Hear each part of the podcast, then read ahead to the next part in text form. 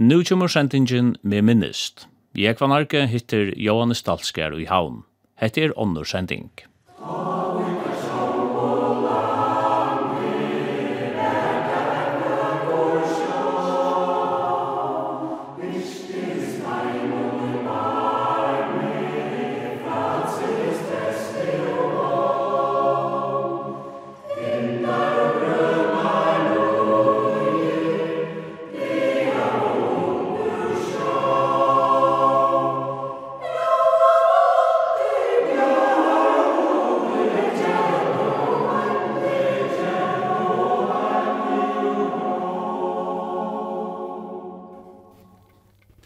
Lorsjøen i havn var jeg ble løvlig og mest av tøyene. Ja, ungvandredelten i Lorsjøen, det var her som ungdommer samleist. Da jeg kom til havna etter, da er det noe som jeg selv følte at man fer her. Jeg vet ikke, altså. Jeg ble alltid vavdre på i nevnter og sånne. Så jeg kommer å være nok så fremalige og i ungvandredelten på den at kjipa fire og tørres vi alt det. Og her var det eisen så at Det stod fire, det ville ha at det skulle være ordan og i. Og tog heimann en eldre som skulle ansetter, ødels ung. Og i minst den ene som var den eldre, det var hans matorga. Vi hadde det var en kjell og tvei år. Hva tre han skulle vi ha sånn gamle mann og gikk han mellom middelag. jo, det var bare helt sånn. Og fra ungmanndeilene så hendte alt det vi anmenn eisene for en seas for håndbolte, og så ble kjindleis stående fra tog. Dansen var nekkur her, og jeg mener bestemt at uh, ta leiande hadde skipa som fyrir at jeg kjepte instrumenter som musikere, det var skvar det var, kunne komme inn og lana teg, jeg bare komme inn og spela til dans, og instrumentene stod her. Det var alt det som skulle til for at driva et godt ungdomsarbeid. Låsjan etter hånden ble så stor at jeg valgte at jeg gjør en av låsja det var så tvær separate låsjer. Men etter han som folk då arbeider meira fortrolig vi rostrekka, nu er Angelosja i havn av Tyskland. Nu så bygninger som Losjebygninger var og gjerne så selte til Alsa. Så her er Angel. Og da jeg sier så er det Angel som vær som tannfunksjonen. Her er nøkker folk etter som kommer sammen av binda og til imspøl eller kan enn for er. Sjálv kan jeg ikke uttale om snakk om det, at i tru trus da vi bare går og gift oss da, er avvar som var med landa kjentel og, og så er. Det ble eisen spalt bordhens i låsene? Jo, det var flere som spalt bordhens. Det var eisen en økjande idrott som så såles, men som alt, det var ikke at det heller ikke, de som er aktive og lukker som færre, så det lukker stoppar oppe og ikke hva det hendte er. Men handbollen, han ble hengat inn? Ja, han ble hengat så vel vil, Ja en kvar kjenner kjente som såles. Man byrja vi ein og lige, masslige, og så avansera jeg til, og etterfylkjande kom kvinnerna. Det største målsofella jeg kjente det har vi og jeg. Og her skiftes det om at vi var mestere, men jeg halte at kjente satt øyla lunja tronen. i var. Du spalte jeg sin sjølv og kjente? Ja, det gjør det. Jeg var reila lunja. Da jeg kom til havnar, da hei jeg spalte et sinter ved Ikke tog jeg det var så øyla gauer som såles, men jeg vet det som var. Og jeg er jo av håndballt, og jeg får så vi i Kindle og kom av lie. Og hver av reire lunch inntil vi bare går om for å bytja av hver hus. Den første av fjersen i Esa Ringve, jeg halte tøyen for vi snakvane at i fjerde ut av første li i hvert fall, så får man nyr andre li som nyr Du var vidla vinna flere førermesterskap. Å oh, ja, det var helt nekvendt. Som er av tala hvordan nektar har vunnet. Jeg hadde er forsørelse. Jeg har ikke samlet på alt det her, men vi tar han nekvar i fennan som er øyla gåldtøven til til døms natte. Han er oførlig å minnes alt det her. Jeg kan slett ikke minnes nek, men jeg er helt reila nek. Men selv kom jeg nevnt noe kjendelig, og jeg har halte ikke hitje i bøysna, så har jeg det fleste årene som får meg over i kjendelig. Det er kanskje det er bra. Og hvordan nek var det? Det må nå være en trettan alltid. Tid uh, får nok så tullja utanlands å spille håndboll. Ja. Det første avtatt som var affær utanlands, det var 1922. Og da får vi til Danmark vi kjaldrunnen, og vi reba av at uh, nu kom kjentil, vi tatt han akkurat vimpel som man sier, la bandara, og han hadde vi bundet bak i lendaren og styrir på spekve av kjaldrunnen, da vi lette akajaisen. Og det var en stor møtak vi finket av dem nere. Og helt jeg minnes om at det var en som et Jørgen Narsen som var landfød i førjen. Han hei sin større leiklod i at vi kom vel rundt av Sæland. Vi var bæge av Sæland i Spalto og i Jylland. Det er ikke bare helt vel, tror jeg, da man også jo om jeg ser fremmede folk ur førjen. Det kunne ikke stå og spille håndbolt, men det her viste seg kjøtt at det her ligger bare helt vel. Og her var lekter åtta dissel sammen, så her er jo Vi vunnu trutjar og tapptu fem. Og fengu sera rausandi år åreisene fra politikken og fra Berlinske tiden og Helsingør Dagblad og Fredsberg og Antsavis og, og Kjellandsposten. Det held det vel om at det er føringene som dotter vel at spiller handball. Men vi føringar er vi vi etter sinde meira kanskje enn utlendinger. Det var tvei folk som var negg fargen og ditte og Knut Kristensen – De vitja ofta han her, og nu vil de være øyla blod i okkur da vi kom nyer. Og bjava okkur utlanda maltøy. Og vi ble sett her på rada rekke vi av bor. De kom inn vi kjøttfettene, og så kom det eplene, og så kom sausen. Og da byrja vi ein enda av båren. Jeg veit ikke om fettet kom rundt, men uh, så kom eplene, og så kom en av eplene træt, og så kom sausen, så kom sausen en av træt, Må jeg endelig få ja. det er mer saus og mer kartofler. Men det kom bare smær. Så hadde vi at det andre kanskje bruker en 200-200 gram, eller hva vi, vi kører jo til minst av det. Det var faktisk ikke kjøtt etter. Så vi sette det faktisk i en forferdelig knyp.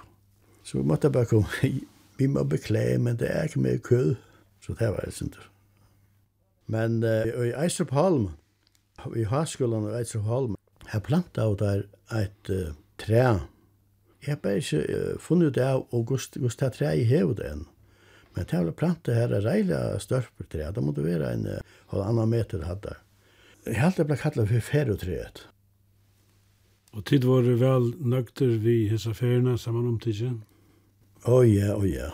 Så fantastisk vel nøkter til at man har opplevd noe annet utan bare det som gång fyrir seg ved akkurat omstående. Så det var jeg veldig glad for, ja.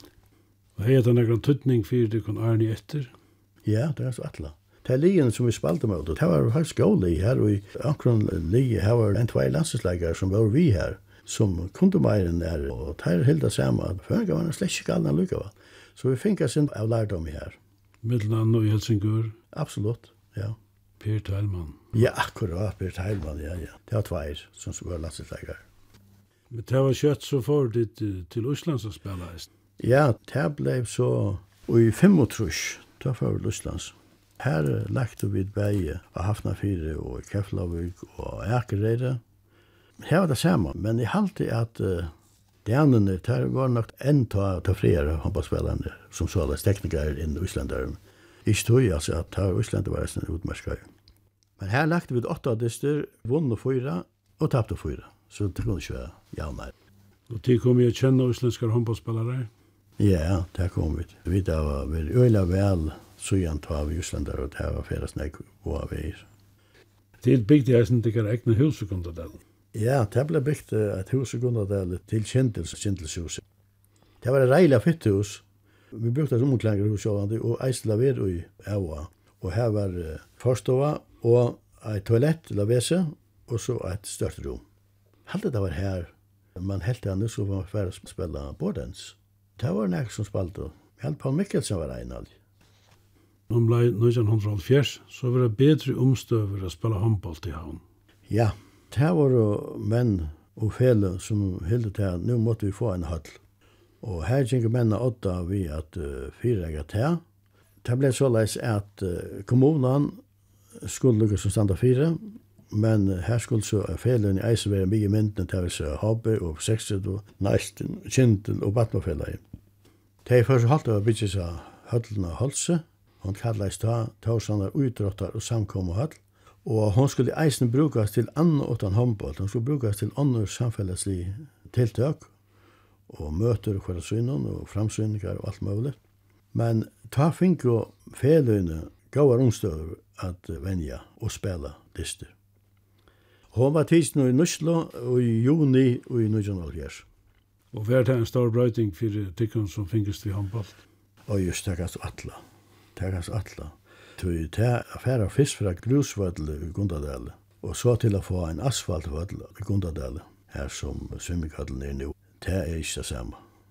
Tøy samband kan nevna en, en sånn løyde av personlighet. Det var nok da asfaltvødl var kommet. Vi spalte mot et føremånd Jeg vet ikke, man bruker harspiks og salt harspiks. Og jeg leip opp og smekka i til og støys meg for gilt.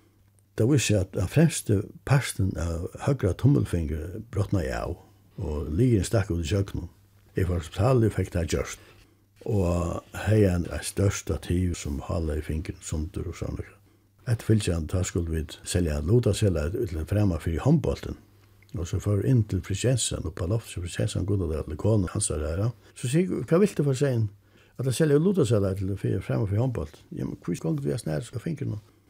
Jeg har brått til fingrene. Nå, hvordan da? Nei, jeg brått en håndbolt. så, så skal jeg ikke være luta seg til å brått fingrene her. Gundadalshøtlen kommer sættene.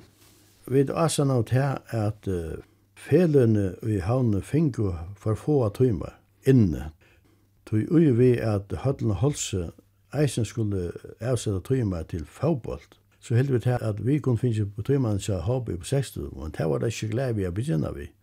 Og tøy heldig vi at så måtte vi gjøre noe annet. Og vi først så holdt vi at uh, kan og mølagene for å begynne en høyla treat. Vi sette høyden sammen kjentlig nesten fleir og for å fyrreika en av nødja høyden i Gundadalen som vi raff i Gundalsødlen. Det er tjekk reilig godt. Vi fikk jo arkitektstående som Max Palagård, han fyrreik og tekna, og sette samband vid det at vi kom at byrån og er som skulle futsa, og tætjekka fyrna seg slæ. Vi skulle så bytja på tammatan at vi bygde fyrsta byggstift, det som er nu, til fyrsta byggstift, ja. Det skulle vi komme ein tilsvarende hødla træt, så som man kunne bruke henne til større dyster, tar vi en mobil og vetsje middelen, og vi stålen og tog smerlord. Fyrsta byggstift, det var tidsen Nuslo, og i mars i 1944. Sjån det her kostar drivane høll. Og gos skulle vi så kunne futja til. Og vi hadde så gjort av at vi skulle hava forskjellige framsynningar, bila framsynning og bata framsynningar, og anna utleie vissime i høllene. Men det fjerde er så spekla bort av, bilasølene, det var glever av vi, slett i stemmen. Det bygde ut sjølvar og hadde sin egne framsynninger høll. Så det ble langre og langre middelen, og det var bare framsynninger vi hadde, og det er lykka som gjerne bortreisen, så at det Enda grunderleis kjøtlen sveik.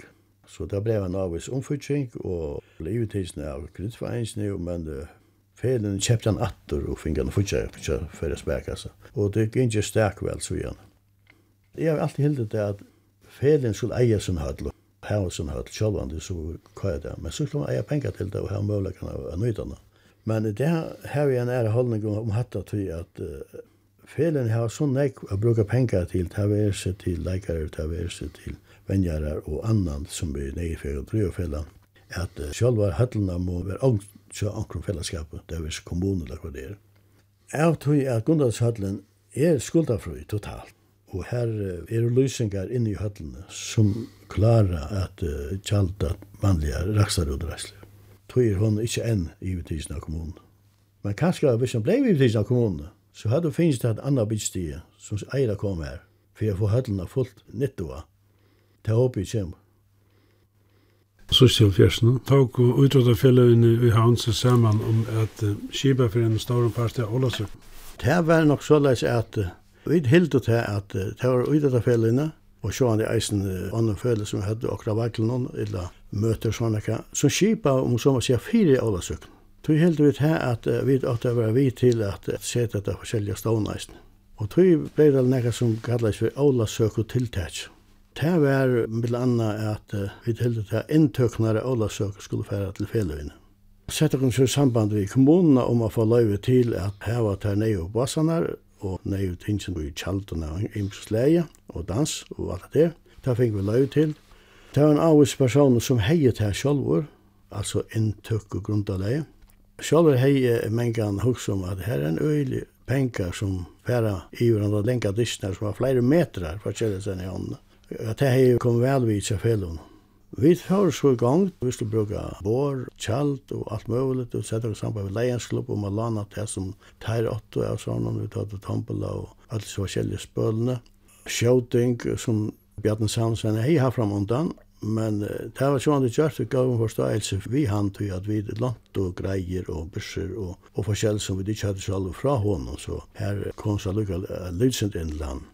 Det er etna er øyelig av vel Vi skulle jo hava vinningar til alt dette forskjellige, og vi fikk det fra parter fra Leika, som det kallet i da, det var Hegen Jakobsen og Eirik Hansen, og fra Esmar Hansen. Og det gikk så mye vel at vi måtte jo alle tøyna for etter flere lotum så sier jeg at det her er okkur heilt spinnande gale, det her er alt for nek ut, altså hvor spett til, det hadde jeg vanligt. Men det var bare så at suksessen var så mye stor, at det hadde avtattna et, og hadde vi denne rikvo av kistebotten, som man sier. Jeg hadde litt omgang fisk nek ved inntøk av alle Ålandsrykten til fjerne. Det var så at så begynte vi at jeg var nere så at det var sånn utadra av bedt her om å kipa fysen her, men jeg halte at her var ikke hovor til at det takk seg av til. Det var så ut at det hei meira ta at tenka seg av skrønne. Det var det viktigaste. Og skrønne ble så skriva her. Vi mener at er det nesvært han som var primusmotor akkurat vi tog. Ok, sier vi der har funnet noen arbeidstid, ikke gjør det, så gjør vi det her. Vi tog oss akkurat sammen og gjør det, til tiltakje. Og det første året var vi ensamadler, kjentel, men året etter, dette ble for størst, og det var nekk fela som var ui, og yngst av vi, ta i vidno, hette jokken for det første året. Det neste året ta var mein i at det var nesten vid og flere halv det var. Men så ble det tru og tru og tru fel og skiftande armar. Jeg kippa fire.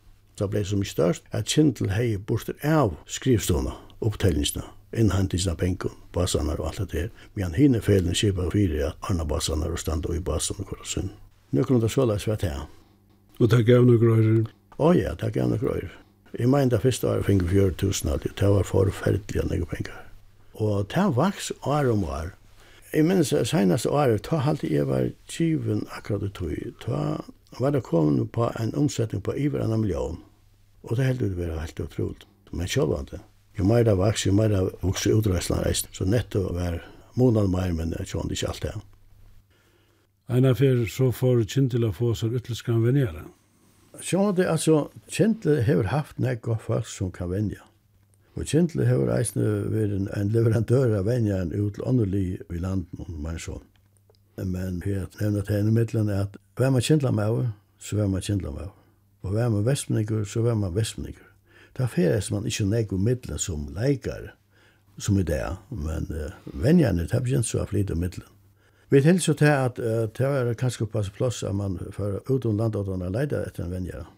Det første som kom til kjentelen som var mannsvenjer, det var en som et overblokk. Han vann til kjentelen fra 1988 og 1988. Det er ikke bare helt av ampulasjonen.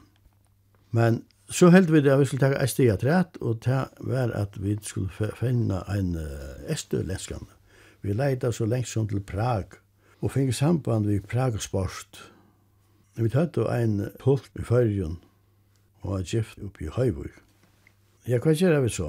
Hvordan vi skulle vi finne oss ned? Ja, natt i bare. Vi ser sånn, hva skal vi fære beint til Prag. Jeg er faktisk å finne nok som nødja bil. Og ikke problem med hva til Prag. Så vi gjør det av, vi fære. Vi får ombord av baten, selv til nyer, og så kallte vi sår etter, men vi stoppa av i Veile. Nå er det natt, jeg kjente vel en som er Preben Park, og vi er i natt av her, så kallar vi er i løsningen morgen etter. Og han sier, kør nå ikke for lunsje i sen. Men jeg vet ikke, vi kørte og vi kørte. Så om, og så gjennom Vest-Tyskaland og inn i Tjøkna landet, inn i Tjekkoslovakia, Pilsen og alt det her. Jeg stoppet sånn, og antla for å kunne vite, og det gjør vi det godt nok. Og da vi så kom inn i Prag, tank vi dere selv om hver, og i Jesu navn er vi. Det er innfallsvei til en så stor boi er sig flere, ja. Men vi tar helst rakt og rett. Vi visste adressen, det var ikke problemet til. Men hver var bostaven? Og så stoppet vi da og natt skulle jeg rute nye, jeg var tjekka med over, og spurte han, en skund hver ui, det steg i hver sekund hver. jo, sier han, kar bare tver gøte vi gjøre, her er hotellet. Ok, så vi kar det sin atræt, og så hukte vi, og så hukte vi det neste, så så vi ovan i av gøten her var et navn, og det var ekte hotellet vi skulle ha. Her får vi så funnet rett av sted, og sette bilen fra åkken, og lastet han velsående, og for inn hotellet. Og vi uh, finner så samband vi hos følelsene til Prag Bort, Sport, og forhandla og det som skulle forhandlas. Jeg går vær her reisende, en avtale var kjørt, og avtalen var vi Prag Bort, ikke vi Igor Kmekk sjølvan at her skulle avrokken iku, vi skulle fita pengene som han fikk for vennisna til teir. Så det var det kommunistiska system. Men så var det han kunde ikke liva bare tog som han fikk. Vi uh, fikk et arbeid i fyrjen og det var på husbund på i Høyvuk. Fimbi Morrison var fantastisk av hjelpåkken i sambandet. Så det var kopp.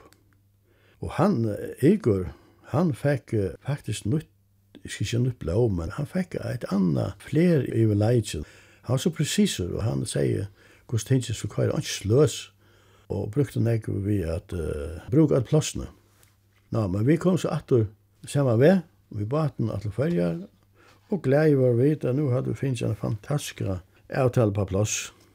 Iker var fem for seks for, og han seks for 6 for, og han fyllte 40 med en hver følgen, og han helt denne fitta veislo for okkon, og det var i mettstå.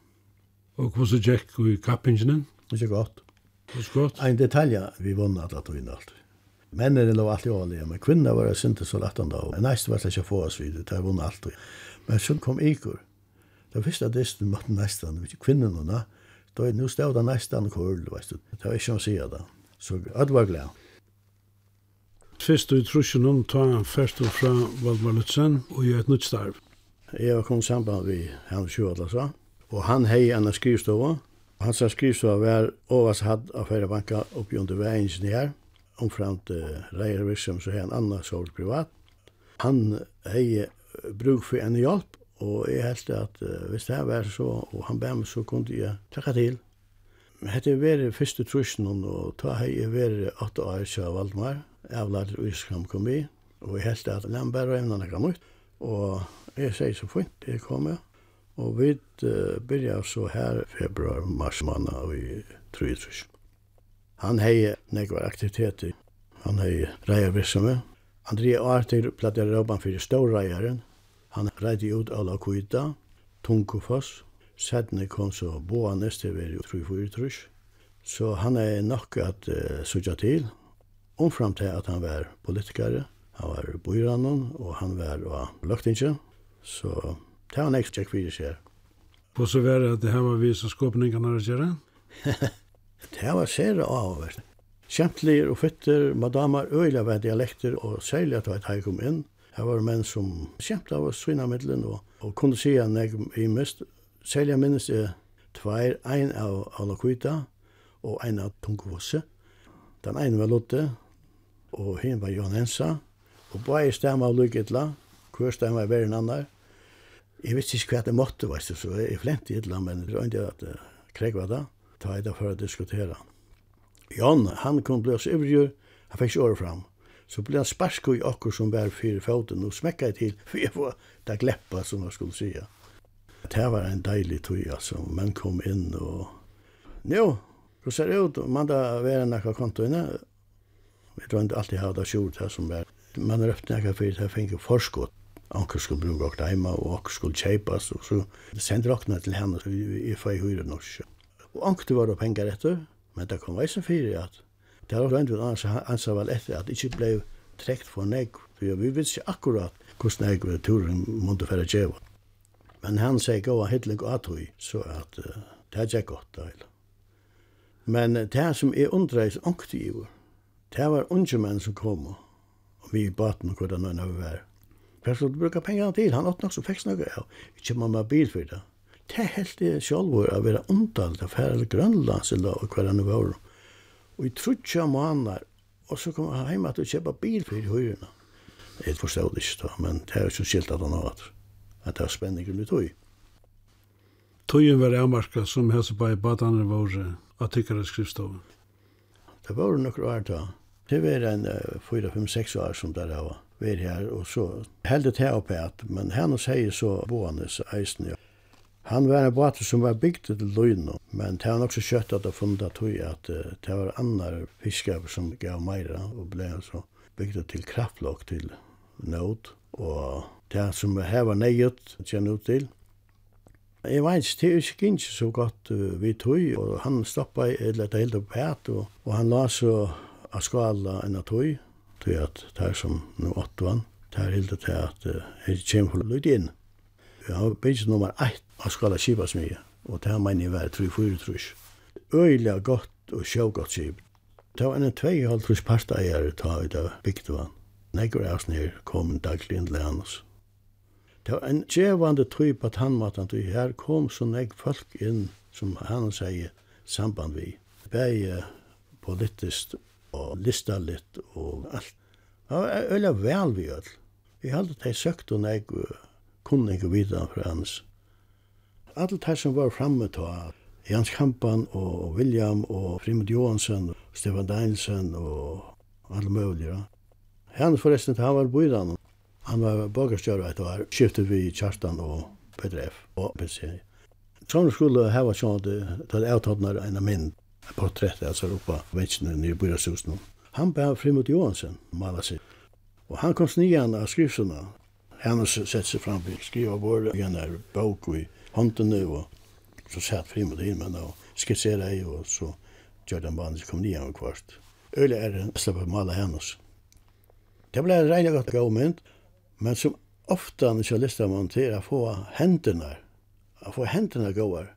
Det är antingen för stora eller för småar. Så hendte han ikke henne, så er annerledes hva det er i virkeligheten av myndene. Men uh, han var så uh, særlig fitt og fremmed, han var alltid inne, og han hei godt mål, han er nok atta seg sånn ikke åpere dag så hård. Han så alltid lira okkur avsatt han av hver nere skrivstunden. Og kjemta eis eisne, vi okkur som var her, etna er videre var kommet skrivstunden ta. Så det var en øyla stuttlig tog. Hannu sier Avesan Ahua fyrisilistene. Han uh, ville meina var listafolken en god stol. Og han kom som nevnte sammen med nekon listafölkju og her vil eisen Nonnegård. Nonnegård som var stjåre Førebanka, han var eisen en av dem som var øyla god vidt av førska listafölkju. Kjepte hjalte teimen til det kom nei. Jeg synes det, og så kjepte han til å ta myndene, så at der kunne liva fyrir nukrøyr. Hans var eisne vi til at uh, få listaskalan bygdan her i plantasjene. Så at uh, hans her løyv mittlen listafolk hadde jeg ekvelig ekvillig tjevande i alla parter. Det halde jeg kan sija. for Olsen, han var alltid inn i sjåk. Og han er trønne, han var nekvinn i her, og han er i Grønlandsfella, ja. Så han var fastegestor. Og så han skulle jeg passe mina råk hver jeg skulle være i systemet, og skulle ikke blanda meg på i tøy vaksne menn og vidande menn snakka om imensteng. Ein av kunde ikke bæra meg. Det var da, 1. april. Så kommer inn Og just nu komst du, sier vi så. Du, Esperen akkurat ringt etter, spurt etter. Men han sier ikke hva han ville. Han og dyr nyr bankan til Esperen, hva han ville seg. Løte seg, nu kom han opp at. Du skal ikke senda meg av april. Jeg skal bare si at dette var du der i kjatt. Han var rasan. Det var sikkert porra han nere i bankan, veist du. Så kom nye, han da matta til. Det er ikke videre, nekka kunne gjøre vi han. Jeg var nok var ære skriftstover på under veien. Ja, her var havna Hannoversmesterfella, og her var havna Hannoversmesterfella. Selta et sølan var her en ny gang, men er flott så man i Voksbåten og Pacha og Valma Lutzen her. Ja, det var så leis at havna Hannoversmesterfella var her, vet Midtjør, Jasper Midtjør og, og forskjellige ære. Det kom så en av benka på og ville ha fætra mer, spurte om, det er er her oppe allukkavel, om jeg ikke kunne hava limalistan og kassan og til så han var handverkarfella. Spurte så henne hva han helt, om hun kunne til at rett som vi var fram og undan. Så sier han, hatt jeg funnet kjøra, gjør det bare til. Til reisel til at jeg om kveldene fører skriftene til havna handverkarfella, og ansett herra limalista, innkrev, ja, alltid, og alt det som her til hørte ett fylkjande var vi tamt, det var de fyrir kjærabøysna og sånne ting.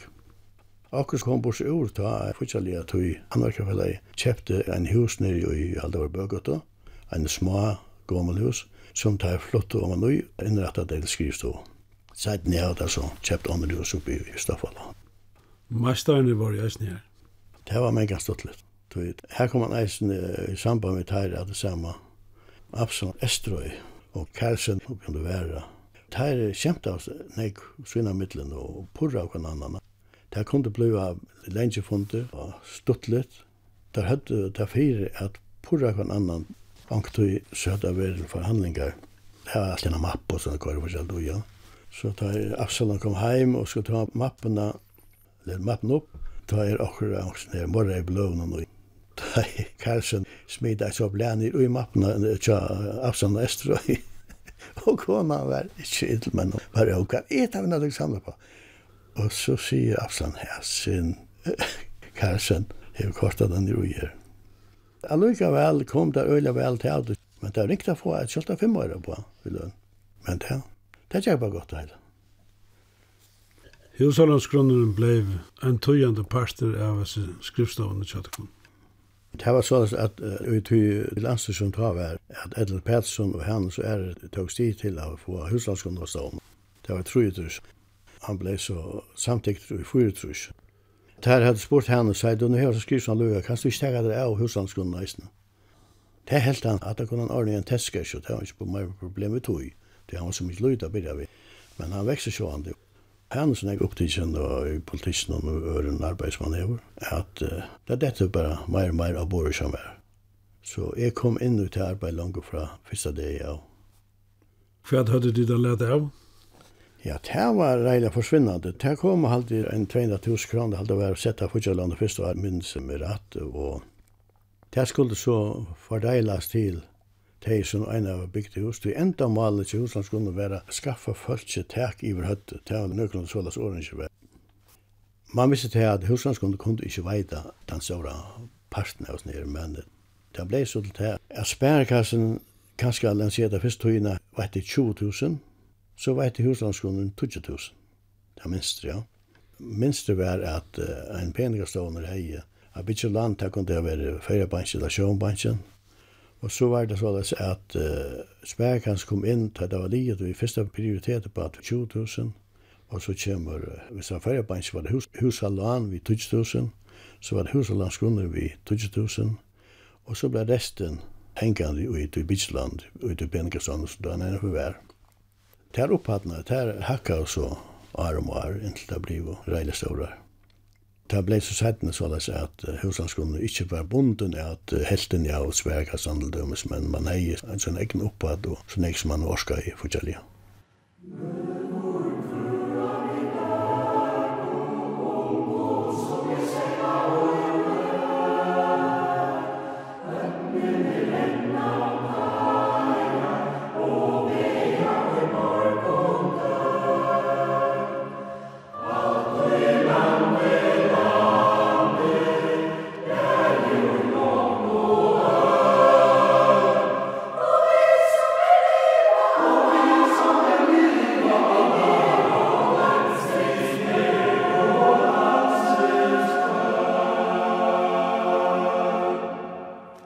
Hatta var sendingen med minnest. Jeg var narki hitte Johannes Dalskjær og i Havn. Hetta var onnur sending.